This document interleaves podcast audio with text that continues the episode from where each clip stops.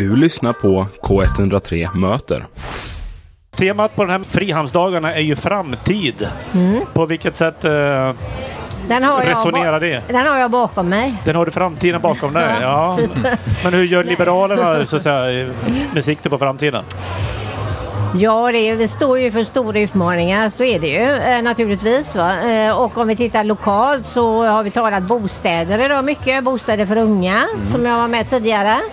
Eh, vi har klimatet som vi nämnde, men vi har ju också vad ska vi, alltså arbete, jobb och så vidare. Så det finns ju mängder med frågor. Men det är klart att jag tycker ibland att det finns en pessimism och det tycker jag är farligt. Utan vi måste ju ha en framtidstro. Människor har ju upplevt många saker under alla årtusenden. Och det är klart att vi går framåt. Och att vi ska ta tillvara också allt det som vi kan. Eh, ibland får man en känsla av att ja, det är ungefär en dystopi alltså vi går mot. Men det är det inte. Utan vi kan, eh, vi, vi kan få en bra framtid. Vilka är det som är så dystra då? Tycker att det... Nej men det hör du ju ibland. Tyvärr, ni ser ju unga här. Man talar om att unga har ingen framtidstro och det, var, det blir mycket sämre än vad våra föräldrar hade. det. Alltså det här va. Utan det är ju ändå så att vi har om... Vi, vi liberaler är ju mycket för att man ska själv eh, utforma sitt liv. Ni som är unga då, vad, känner ni, finns det framtidstro? Eh, ja, men jag vill ändå säga att jag har framtidstro, men klart att man eh, reflekterar över och tänker på ja, vad ens föräldrar berättar om sin ungdom och vad de hade för förutsättningar kontra vad man själv har för förutsättningar och sådär med bostad och arbete och ja. Min farsa sa att det var ju han tjänar mer på att gå på a-kassa än att jobba ett halvår till exempel. Ja, det är ju För inte mig bra. hade ju inte det funkat idag va?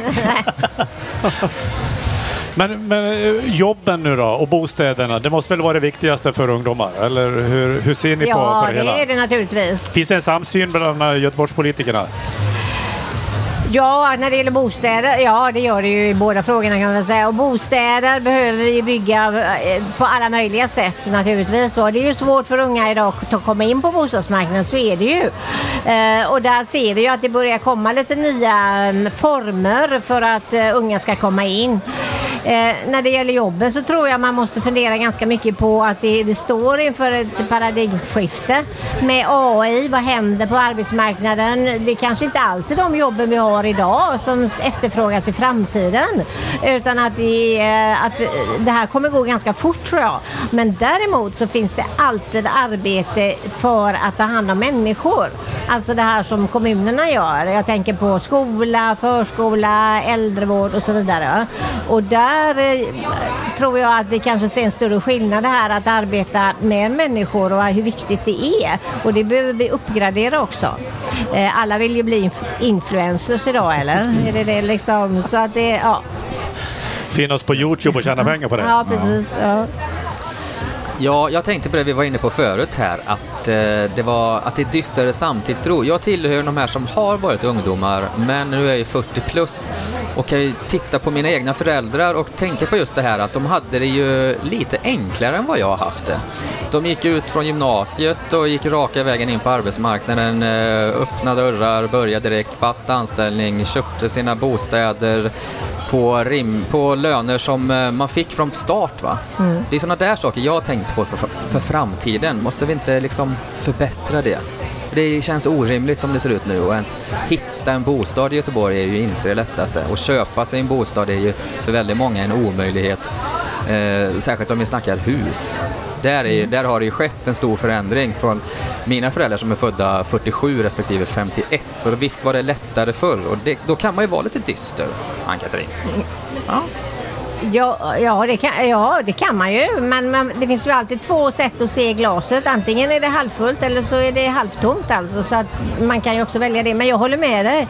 Att det, är, det är ju så att på, på något sätt har man ju haft en, en värdeförändring att, eh, tidigare.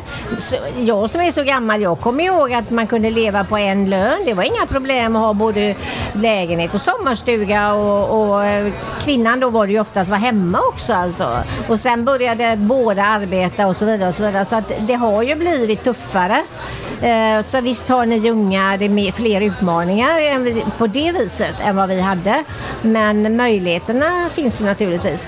Men att hitta en bostad, det finns egentligen bara ett koncept och det är ju det här bygga, bygga mer och, och ja, jag ska inte gå in på det men man måste se till att det finns bostäder som är för alla grupperingar och så vidare. Och det, ja, det är en lång process det här. Mm. Vi ska ju få hit framtidskoncernen om en, eh, om en liten stund. Får vi höra vad de har att liksom presentera. Men, men eh, om man tittar generellt på politiken. Eh, det klagas ju ibland på att politiken upplåter inte tillräckligt mycket mark. Byggföretagen var här igår och vi väntar bara på mark. Och eh, priset på mark måste ju vara rimligt också för att man ska våga sätta spaden i marken.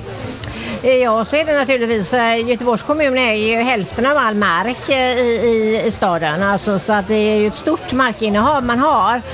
Sen ska man ju komma ihåg att de priser som vi tar in för marken, de går ju inte in i, i till, de går ju in till kommunkassan och de används ju sedan till verksamheter, alltså till skola, vård och omsorg.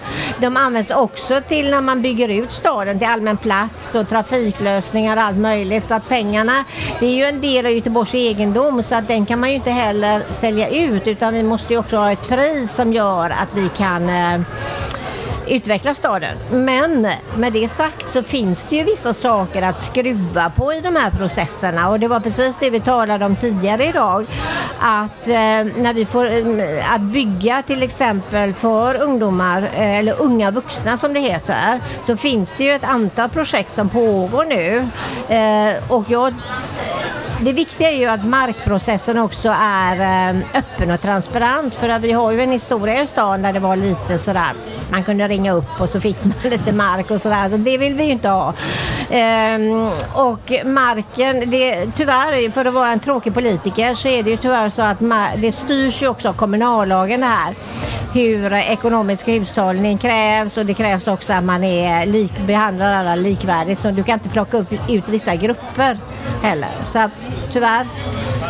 Men jag vet att det, finns eh, och nu går vi ju in i en, en marknad här som är svår för de, de, de eh, byggarna. Alltså vi har, märker ju att det går ner, att det droppar. Men däremot så tror ju jag att eh, vi upplever att det finns många nya kreativa lösningar på bostadsmarknaden som jag ser verkligen fram emot och som vi fick till livs lite idag. Så det behövs lite inc- incitament från politikerna för att Ja, byggarna alltså, ska våga dra Ja, igång. jag tycker att eh, byggbolagen också, de har ju ett ansvar i det här. De måste ju också fundera på hur de ska komma till mötes. Det är lätt att lite ropa på mark och att det är kommunens fel, men, men eh, i samverkan så tror jag att vi kan hitta nya lösningar. Ja, för de var ju också inne på att eh, priset på marken eh, avgör ju i slutändan också hyresnivån. Nej, inte bara marken. Nu får Nej, inte bara, nej, nej, men liksom det, det hänger ju ihop ändå. vidare. Det är klart att lägger man är klart. parkett eller linoleum så hänger det också ihop. Ja, exakt. Det gör det ju. Va? Sen tror jag vi behöver få in fler byggare på marknaden i Göteborg. Det är alldeles för få. Och då får du också en eh, utmaning att bygga på ett annat sätt för att sänka kostnaderna. Spännande. Du, nu står Daniel Bernman här och, och, och trampar. Alltså, jag, jag trodde han stod här och lyssnade på mig, men det gjorde han ju tydligen inte. Det är du som är influencer vet du. ja, men jag tackar så mycket. Ja, tack för att du kom. Ha det gott.